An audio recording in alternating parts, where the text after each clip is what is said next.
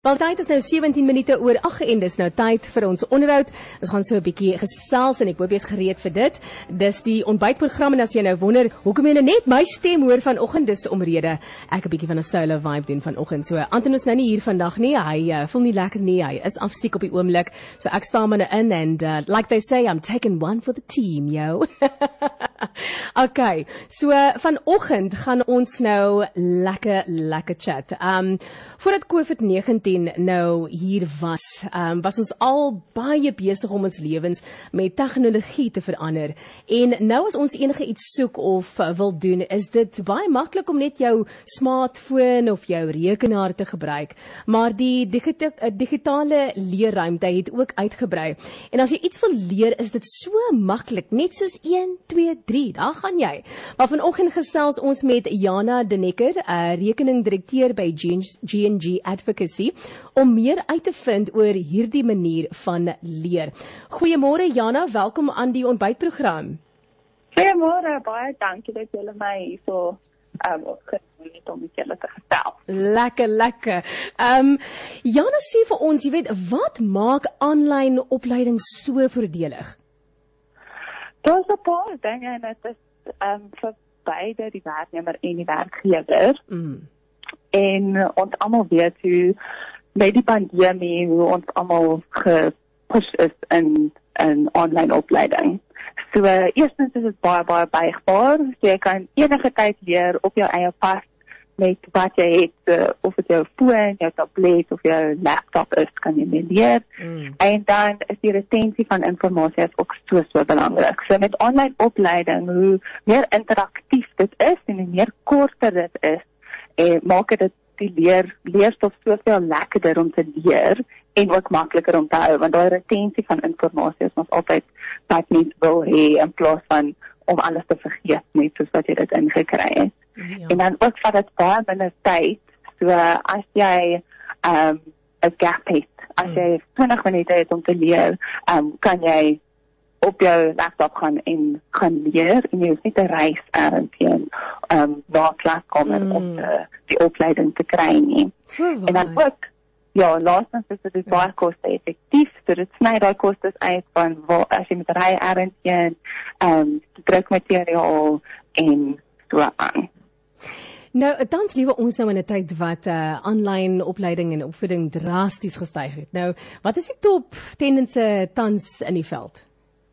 die top tendense in die ja, veld. Ehm um, ja. so dat meeste werknemers is baie is geforseer in 'n tradisionele klaskamer omgewing om aanlyn opleiding te kry hmm. in die verlede, maar met die pandemie het dit so verander.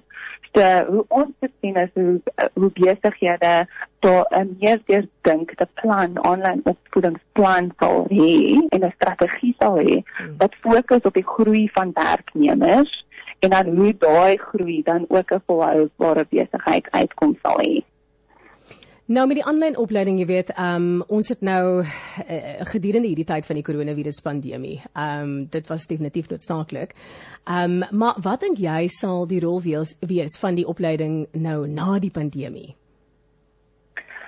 Ja, so 'n uh, soliede aanlyn opvoedingsplan het regtig ehm um, ek die tekort was gesien in die wêreld in ja. Suid-Afrika tydens die pan pandemie. En uh besighede het regtig staat gemaak op daai klaskamer omgewing, daai tradisionele opleiding waar hulle iemand moet inkry en um om hulle werknemers op te voed. So in die toekoms en uh is dit waar jy dit dink te plan met hê. Jy moet regtig um um invest investeer in daai um planne om dit um 'n sukses te maak en dan ook daai groei van jou besigheid op 'n lang termyn te hê. So dis definitief 'n langtermyn um uitkoms. Ja, definitief. En dan laastens, ehm um, Jana, hoe kan organisasies hul werknemers ondersteun en motiveer om 'n sukses te maak van aanlyn opleiding? Want weet jy net, daar's al so baie mense wat dit, jy weet, baie gou uh die uh, you know like they can get the get to the grip of it quite quickly, maar as ander ja. mense dit vat pas nou 'n bietjie langer. So dis baie belangrik ek dink persoonlik dat organisasies eintlik moet deel wees van van die hele proses. Definitief. Ja, met ehm um, met ons ons weet hoe almal hoe besig ons is en om tyd te mm. maak vir opvoeding. Dis regtig moeilik om daai tyd te maak. So en meeste van die tyd het kry ons hierdie lang tedious PDF dokumente wat jy weer werk en jy jy ja, wat jy daarbey uitkry, weet niemand nie. So wat wat jy moet doen is jy moet daai um lang deurstof vat en dit kondenseer in klein ons noem dit inhoudhappies mm. wat maksimum um 10 tot 20 minute is en dan wat jy daai deurstof kan invat wat wat wat ook verskriklik belangrik is is die voorstelling van daai inligting. So jy moet dit vat en dit um, in verskillende mediums doen so um, byvoorbeeld video, audio uh, animasies, um quizzes en so aan. En dan dit maak dit baie meer interessant vir iemand om in te neem en dan wil hulle meer leer en dan so het jy daai um daai groei groei in hulle loopbaan ook. Jy ja. kry daai daai kurwe wat opgaan. Amazing. Ja. Jana, ja. baie dankie dat jy uh, saam met ons gekuier het hier op ontbyt. Um en dankie dat jy so ek dink baie mense gaan 'n lekker ding daaroor en miskien gaan hulle besluit, okay, hierdie is wat ek nou moet doen want um ek moet net sê vir my, um ek het nou oor hierdie tyd um 'n kursus gedoen wat ek ek was besig met die kursus. Jy weet, hierdie face to face ja. tipe van training tipe ding en toe dit met toe COVID was, toe kan ek mos nou nie dit doen nie en toe moet ek nou eintlik hierdie hele hele digitale ruimte wees. Dit was my baie hektiek, maar soos wat ek nou dit gedoen het en toe raak ek 'n bietjie meer, ek het bietjie meer selfvertroue gekry na 'n tydjie. Toe was dit amazing. Ja. Ja.